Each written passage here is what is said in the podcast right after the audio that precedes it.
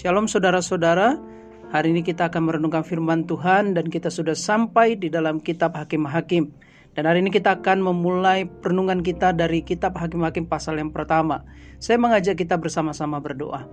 Kami mengucap syukur buat hari ini, buat kesempatan yang baik yang Tuhan berikan kepada kami, sehingga kami masih diberikan kesempatan untuk merenungkan firman-Mu. Mari Roh Kudus ajar kami, buka hati kami dan pikiran kami untuk mengerti firman ini ya Tuhan, dan kami bisa melakukannya dalam kehidupan kami. Supaya kami bukan hanya sekedar mendengar saja, tapi kami bisa melakukan dalam kehidupan kami.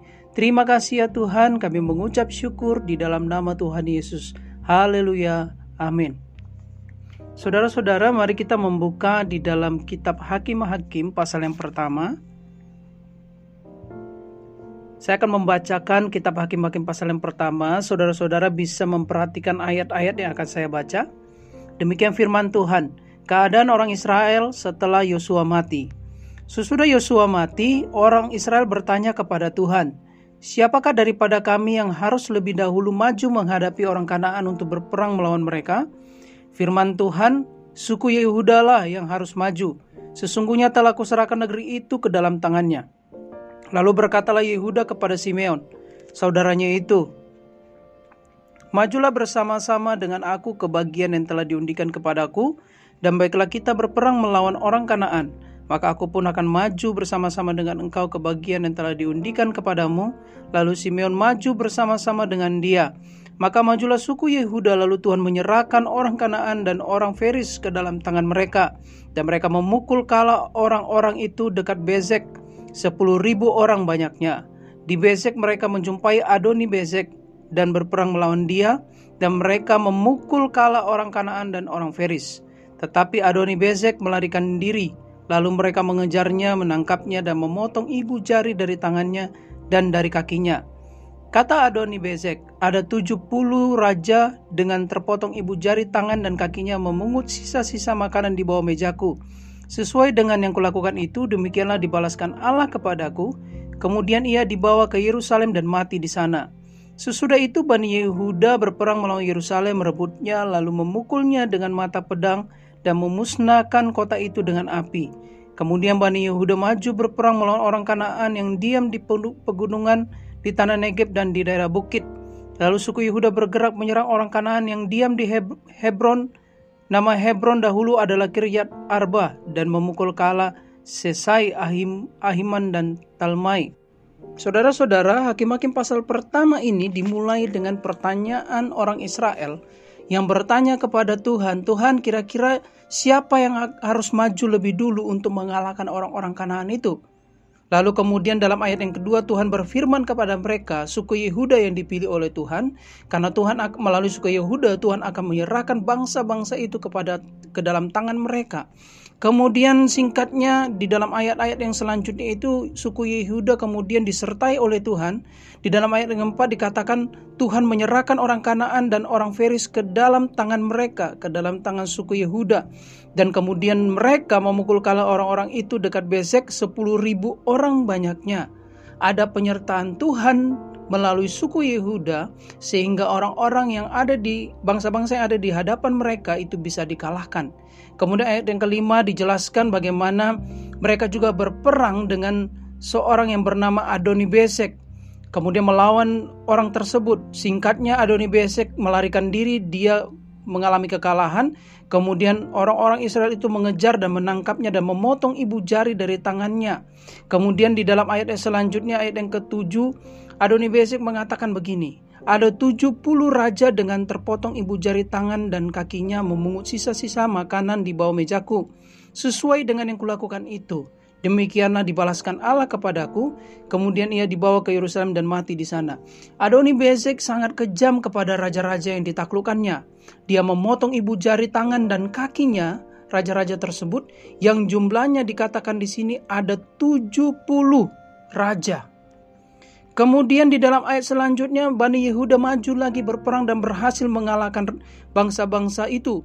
Kemudian di dalam ayat yang selanjutnya diceritakan lagi Bani Yehuda berhasil juga mengalahkan orang-orang orang Kanaan yang diam di pegunungan di tanah Negeb dan di daerah bukit. Lalu kemudian mereka mengalahkan orang-orang kana, orang Kanaan yang diam di Hebron ya, yang dahulu namanya itu adalah Kiryat Arba.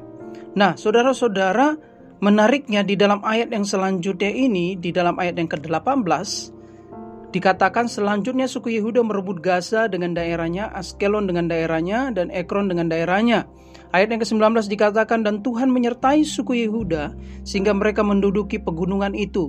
Tetapi mereka tidak dapat menghalau penduduk yang di lembah sebab orang-orang ini mempunyai kereta-kereta besi. Yang pertama yang bisa kita pelajari dari hakim-hakim pasal pertama ini adalah bahwa kalau penyertaan Tuhan ada di dalam kehidupan kita, maka kita tidak perlu takut. Seberapa besar pun kekuasaan yang ada di tengah-tengah dunia ini, kalau Tuhan menyertai kita, maka kita tidak perlu takut. Seperti apa pun hebatnya penyakit yang ada di tengah-tengah dunia ini, kalau Tuhan menyertai kita, maka kita tidak perlu takut bukan berarti kita harus menjadi orang bodoh yang tidak menjalankan protokol kesehatan dan lain sebagainya. Tetapi kalau ada penyertaan Tuhan, kita akan memiliki banyak hal, kita akan memiliki hikmat, kita akan memiliki kuasa di dalam kehidupan kita. Kalau kita sakit, kita akan disembuhkan.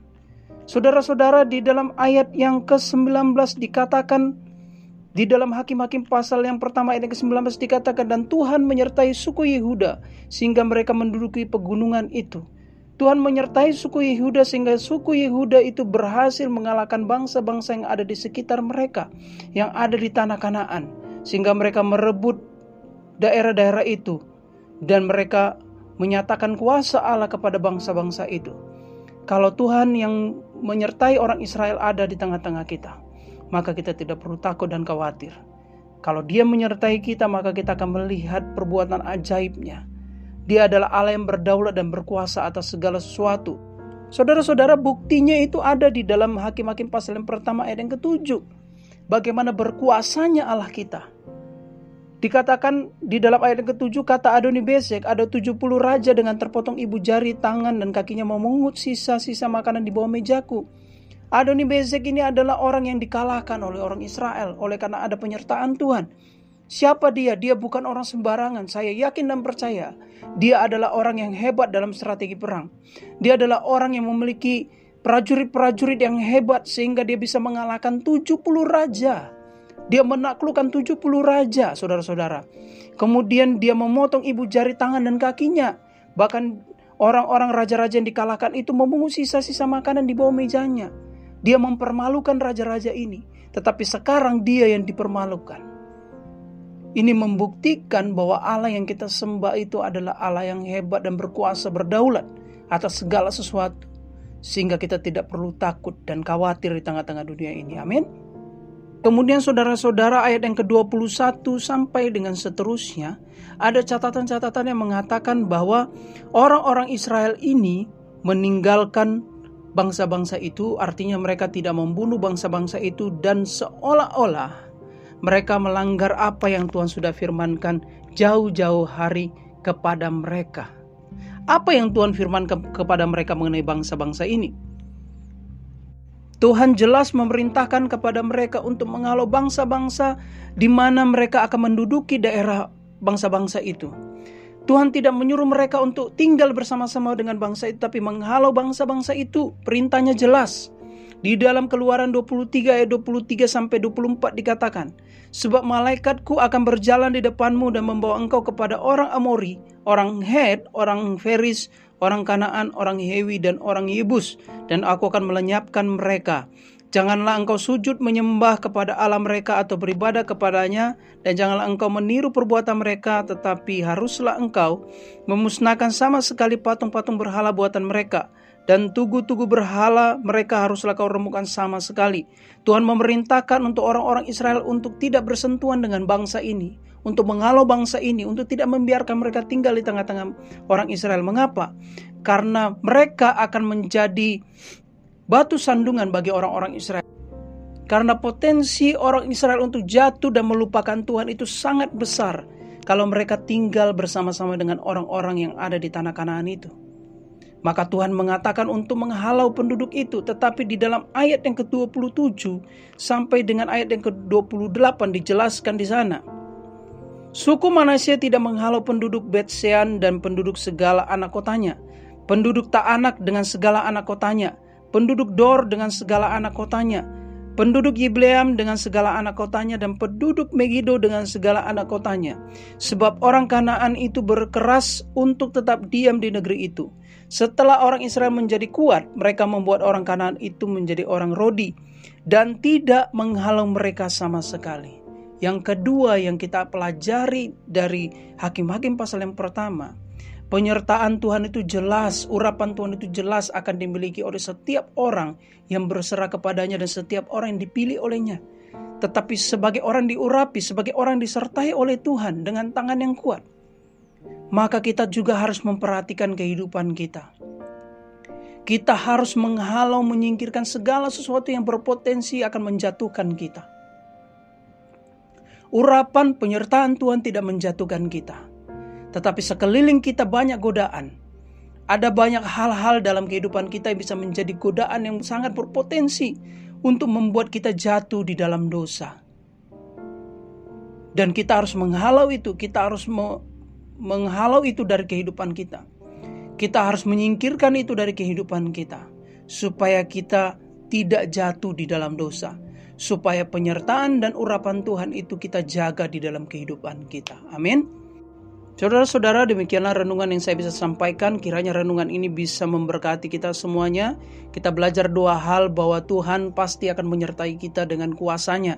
Tuhan yang kita sembah adalah Allah yang berkuasa, yang berdaulat atas segala sesuatu. Jadi kita tidak perlu takut. Kemudian yang kedua kita belajar kalau kita disertai, kita diurapi, maka kita juga harus menyingkirkan hal-hal yang berpotensi membuat kita jatuh. Kita harus menjaga kehidupan kita, tidak mengizinkan apa pun di sekeliling kita atau hal-hal yang dalam diri kita yang akan membuat kita jatuh. Tetapi kita tetap harus menjaga urapan dan penyertaan itu di dalam kehidupan kita. Mari kita berdoa. Terima kasih ya Tuhan untuk renungan ini kami mengucap syukur kepadamu. Tuhan mengajar kepada kami bahwa Tuhan yang kami sembah adalah Allah yang berkuasa yang menyertai kami. Dan urapan Tuhan juga itu pasti kepada setiap kami yang Tuhan pilih dan dan berkenan kepada Tuhan. Dan kiranya Tuhan juga menolong kami untuk menyingkirkan atau menghalau hal-hal yang berpotensi membuat kami jatuh di dalam dosa dan tidak menjaga urapan dan penyertaan Tuhan dalam kehidupan kami. Terima kasih ya Tuhan kami mengucap syukur dan berdoa di dalam nama Tuhan Yesus. Haleluya. Amin.